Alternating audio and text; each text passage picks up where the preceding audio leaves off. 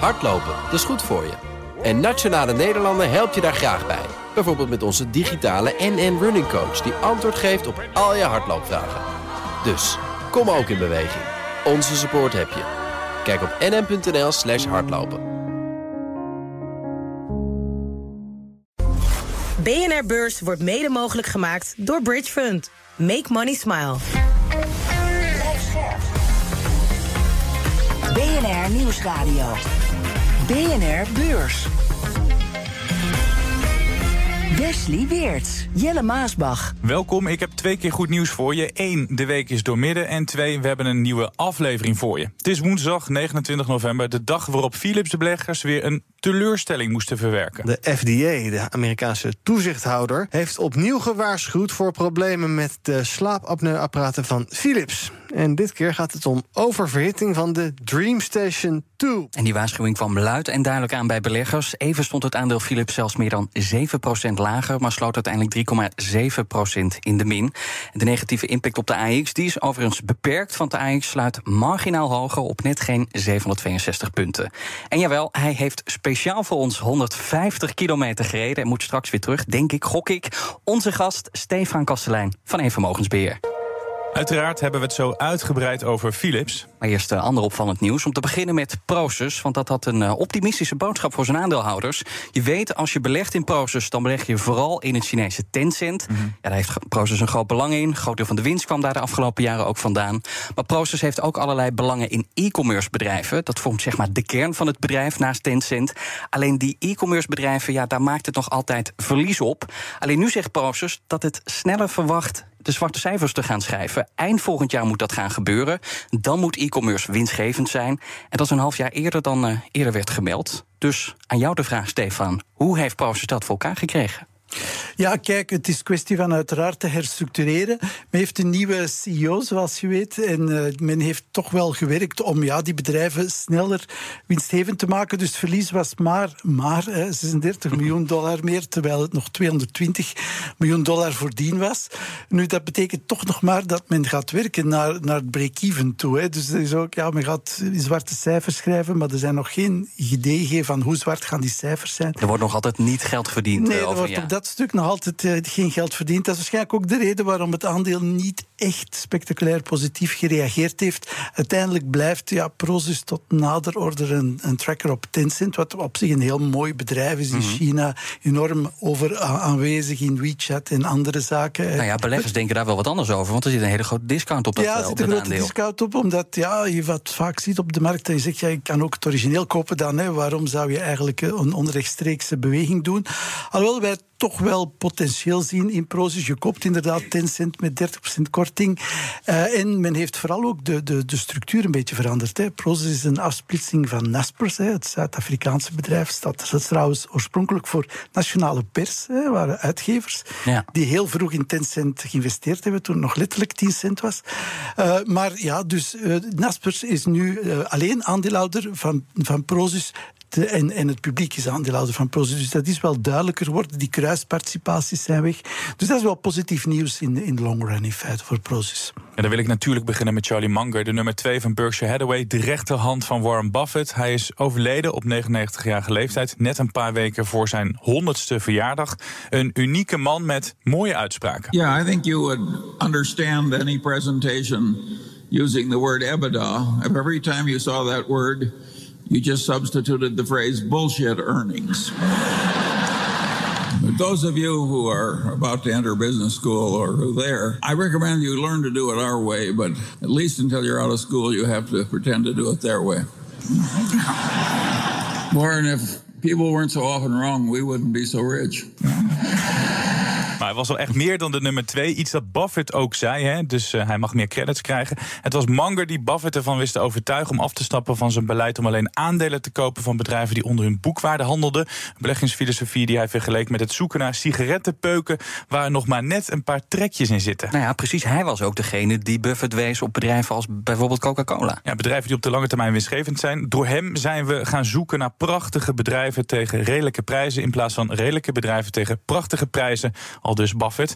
Ja, Stefan, beleggers en analisten hebben het altijd maar over uh, good old Buffett. Hebben we te weinig gehad over Munger? Ja, misschien wel, hè, want we noemen Warren Buffett het orakel van Omaha, maar eigenlijk is Charlie Munger, of was Charlie Munger dat zeker en vast ook wel. Hè.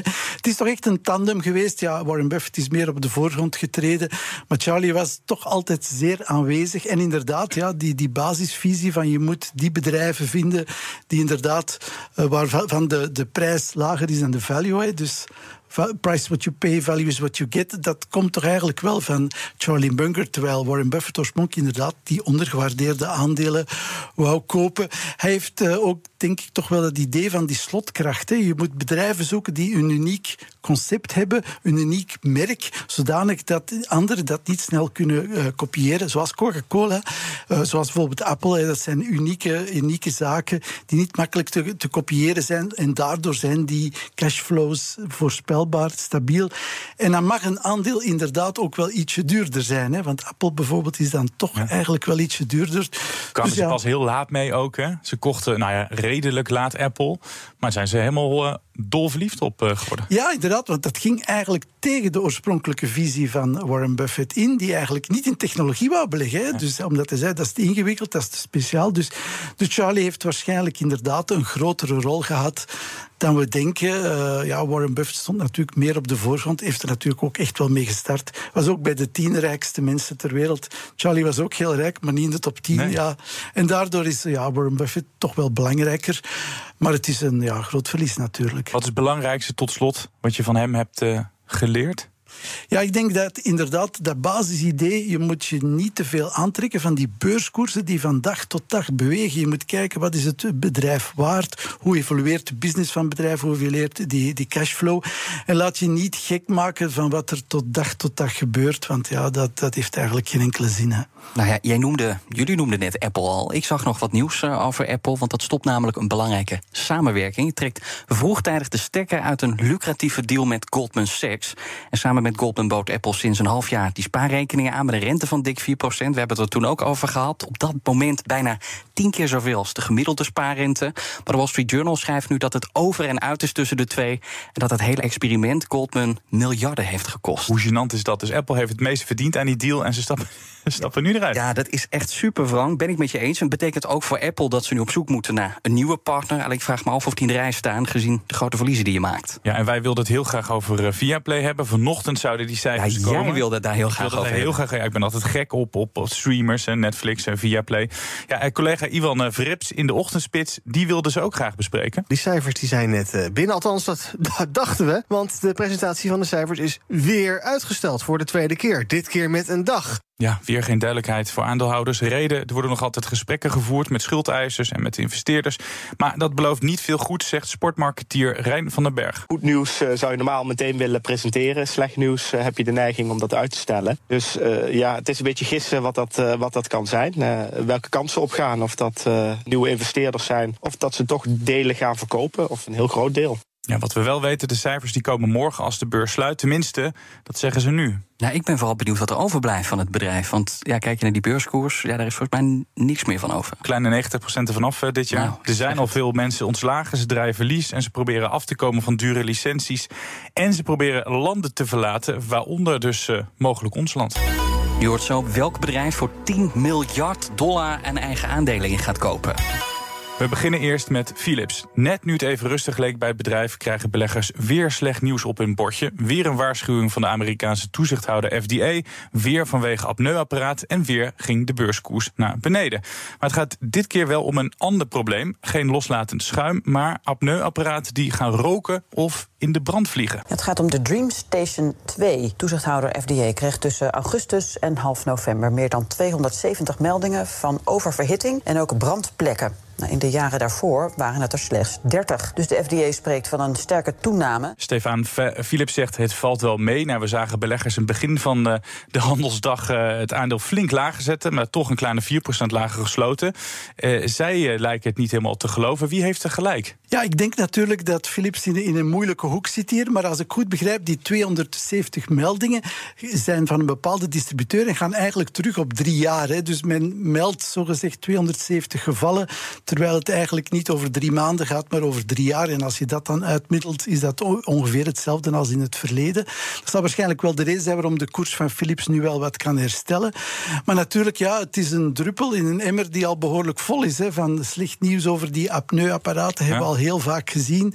En ja, ieder klein slecht nieuwsje weegt natuurlijk wel heel slecht door. Misschien hadden we nooit over de eerste problemen gehad met, uh, met de Dreamstation. Dan had dit waarschijnlijk niet zo geweldig nieuws geweest. Hè. Maar ja, het is een nieuwe nieuws in, in een lange reeks van slecht nieuws. Ja, en weer uh, een hoofdpijndossier voor de topman. Roy Jacobs, die was het imago aan het oppoetsen. Wat doet het met het uh, imago van Philips?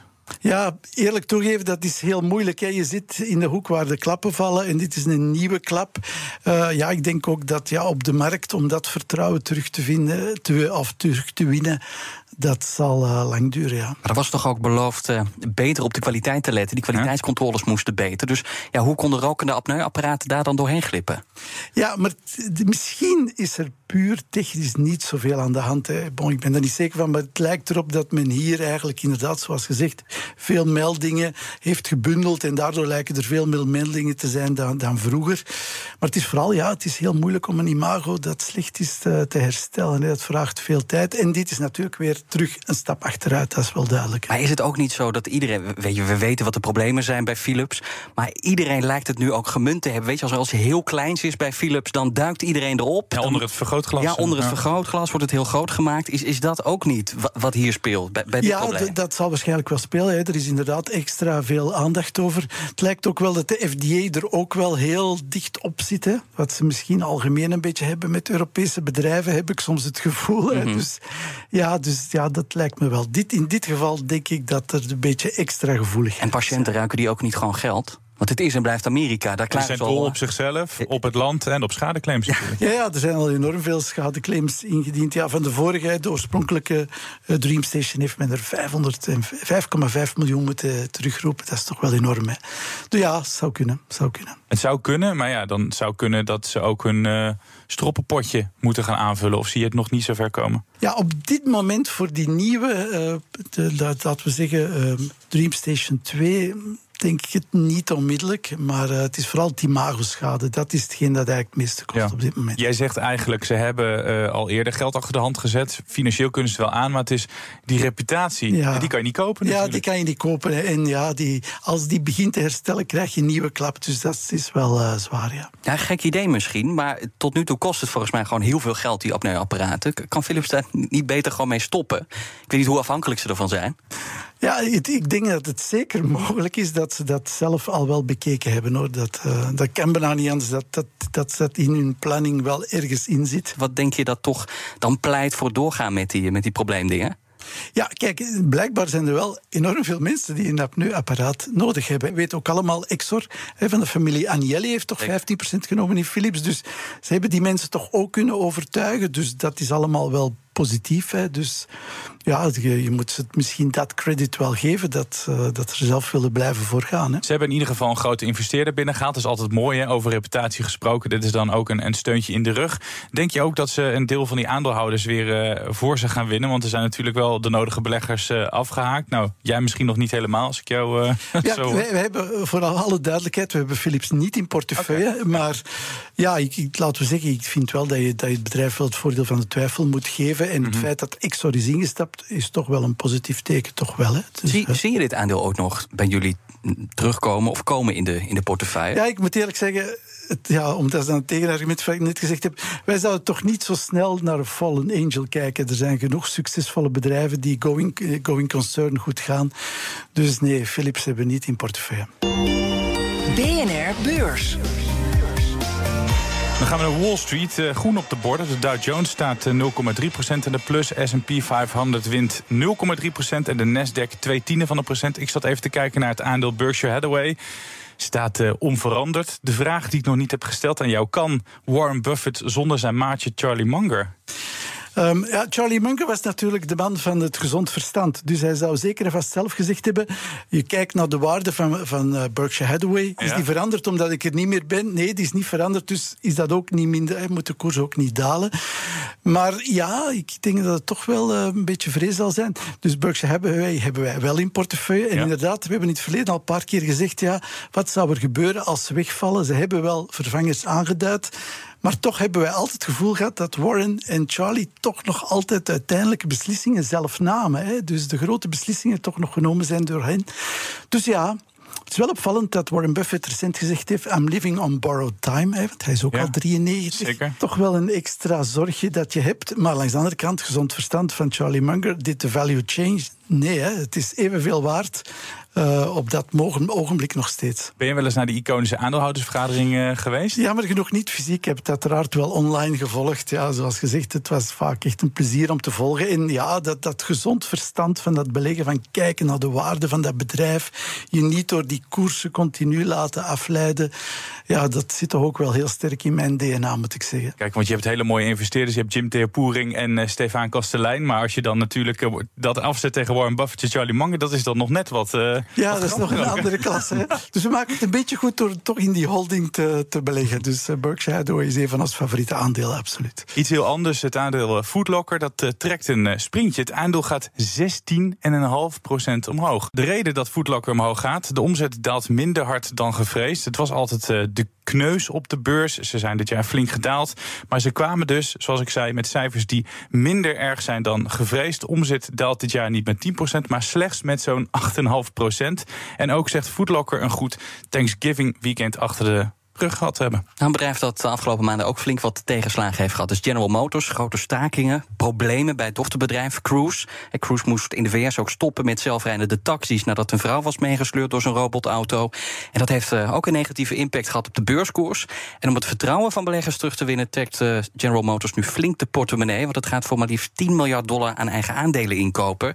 En ook geeft de autobouwer weer een outlook af. Want die outlook die werd eerder ingetrokken vanwege die stakingen. Maar die hebben ze nu ook weer afgegeven. En dat allemaal dat zorgt voor eh, een stijging van de beurskoers.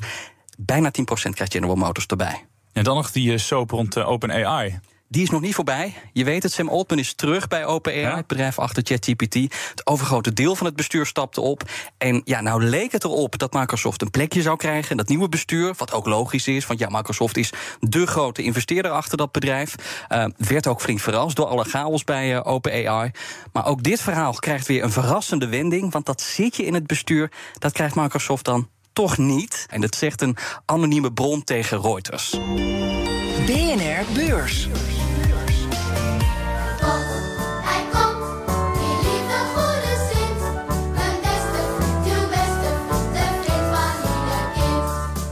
Hij heeft hem op inmiddels. Zijn mijter, baard is opgeplakt. Stefan, je bent er helemaal klaar voor. De hele week spelen onze gasten voor Sinterklaas. We vragen ze welk aandeel zij in je schoen zouden stoppen. En Stefan, jij hebt Lotus Bakeries meegebracht. Maker van koekjes, maar maken ze eigenlijk ook pepernoten?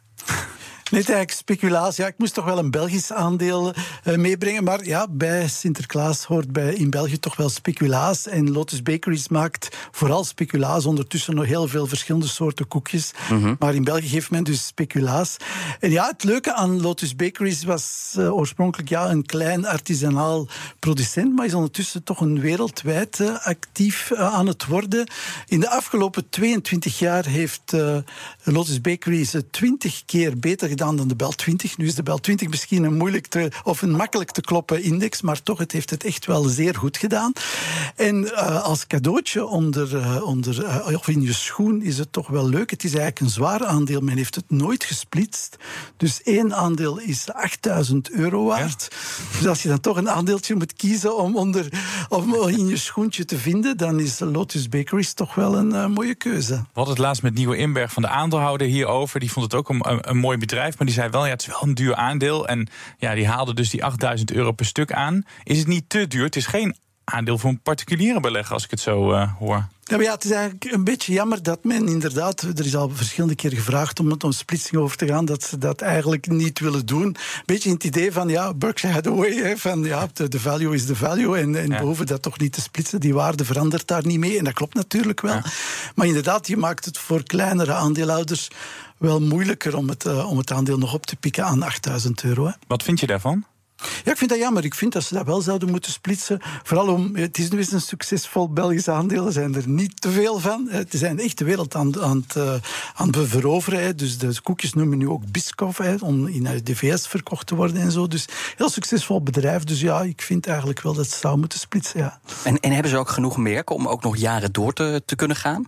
Ja, de basis zijn inderdaad de speculoosjes, maar ze hebben ondertussen wel een aantal cakejes en koekjes. Ja, ze hebben het assortiment wel behoorlijk eh, uitgebreid. Ja, want hoeveel kun je variëren met uh, speculatie, ja, Stefan? Maar alles is lekker, toch, maar, dat is maar, wel maar de basis is natuurlijk wel, je kan de markt wel veroveren. Oorspronkelijk werden die koekjes alleen in, eh, in België verkocht en dan in andere Europese landen. En nu in de US, ja, dan is de markt toch nog wel veel groter. Er worden veel koekjes gegeten in de VS. En de, en de marges, hoe, hoe zijn die? Wordt er, wordt er goed geld verdiend? Het is een, een, zeer winstgevend bedrijf. Dat is ook de reden waarom het eigenlijk ja, zoveel jaar op jaar eigenlijk uh, hoog is gestegen. En het is ook een, het is niet alleen een zwaar aandeel, hè, 8000 euro per aandeel, maar het is ook een duur aandeel, een hoge koers-winstverhouding, boven de 30. Dus ja, uh, ja het is op dat gebied wel een duur aandeel. Maar zo, ja, vaak is het zo hè, dat uh, kwaliteitsvolle aandelen duur zijn. Hè. Ik wil nog even afsluiten met een, een woordgrap die Wesley hier voor mij heeft geschreven. Eet een concurrent ze niet een keer de speculatie van het brood. ja, het is een familiaal, familiaal bedrijfje. Dus ik heb de indruk dat de familie het netjes bijhoudt. En dat ze inderdaad niet zoveel inzitten met die beurskoers van dag tot dag. Anders zouden ze misschien die splitsing al doorgevoerd hebben. Het is tijd voor morgen. Daar komt een van de laatste specs van ons land met de cijfers. Nou, als het slecht gaat met je bedrijf, kan je altijd nog short op gaan. Althans, dat dachten de oprichters van Azerion. Welke aandeelhouder heeft het het zwaarst met zijn bedrijf? Nou, Azerion doet een goede gooi naar deze titel. Het game- en advertentiebedrijf boerde even best aardig met Habba Hotel en online poker. Inmiddels is het aandeel al meer dan de helft van zijn waarde kwijt dit jaar. En daar hadden de oprichters en groot aandeelhouders bijna aan verdiend. Ze speculeerden namelijk op de neergang van hun eigen bedrijf. Ook is er nog dat onderzoek naar de marktmanipulatie van de AFM. Het bedrijf verwacht dit jaar bijna een half miljard euro om te zetten. Maar de vraag is of beleggers nogal trek hebben in het bestuur en de oplopende schuldenlast. Tot slot, let ook nog even op de macro-economische cijfers, de werkgelegenheid in Duitsland, de Europese werkloosheid en de wekelijkse uitkeringsaanvraag in de VS. Ze komen gedurende de dag allemaal naar buiten. Dit was hem, de BNR-beurs van woensdag 29 november... waarin we het hadden over het overlijden van Charlie Munger... en alle beleggerslessen die hij nalaat. Philips heeft zijn lesje niet geleerd en trakteert op uh, nieuwe problemen. Deze keer bij de Dreamstation 2. Het apparaat dat eigenlijk een einde moest maken aan alle ellende. En aandeelhouders van General Motors die werden dan weer niet teleurgesteld... want de autobouwer gaat voor 10 miljard dollar aan eigen aandelen inkopen. Ja, een aandelen inkoop dus met een uh, ja, flinke waarde. Van onschatbare waarde is Stefan Kastelein van Eén Vermogensbeheer. Bedankt dat je bij ons wilde zijn. En moet je nu 150 kilometer terug? Ja, toch wel, toch wel. Ja. Maar het zal wel lukken. Je, 130 je mag, mag terug, ja, 130 rijden. Precies, Fantastisch, ja. ja. okay. Bedankt dat je er was. Goede reis. En dan zeggen wij uh, tot morgen. Zeker, tot morgen. BNR Beurs wordt mede mogelijk gemaakt door Bridge Fund. Make money smile. Business Booster. Hey ondernemer, KPN heeft nu Business Boosters. Deals die jouw bedrijf echt vooruit helpen. Zoals nu, zakelijk tv en internet, inclusief narrowcasting... de eerste 9 maanden voor maar 30 euro per maand. Beleef het EK samen met je klanten in de hoogste kwaliteit. Kijk op kpn.com businessbooster. Business Booster.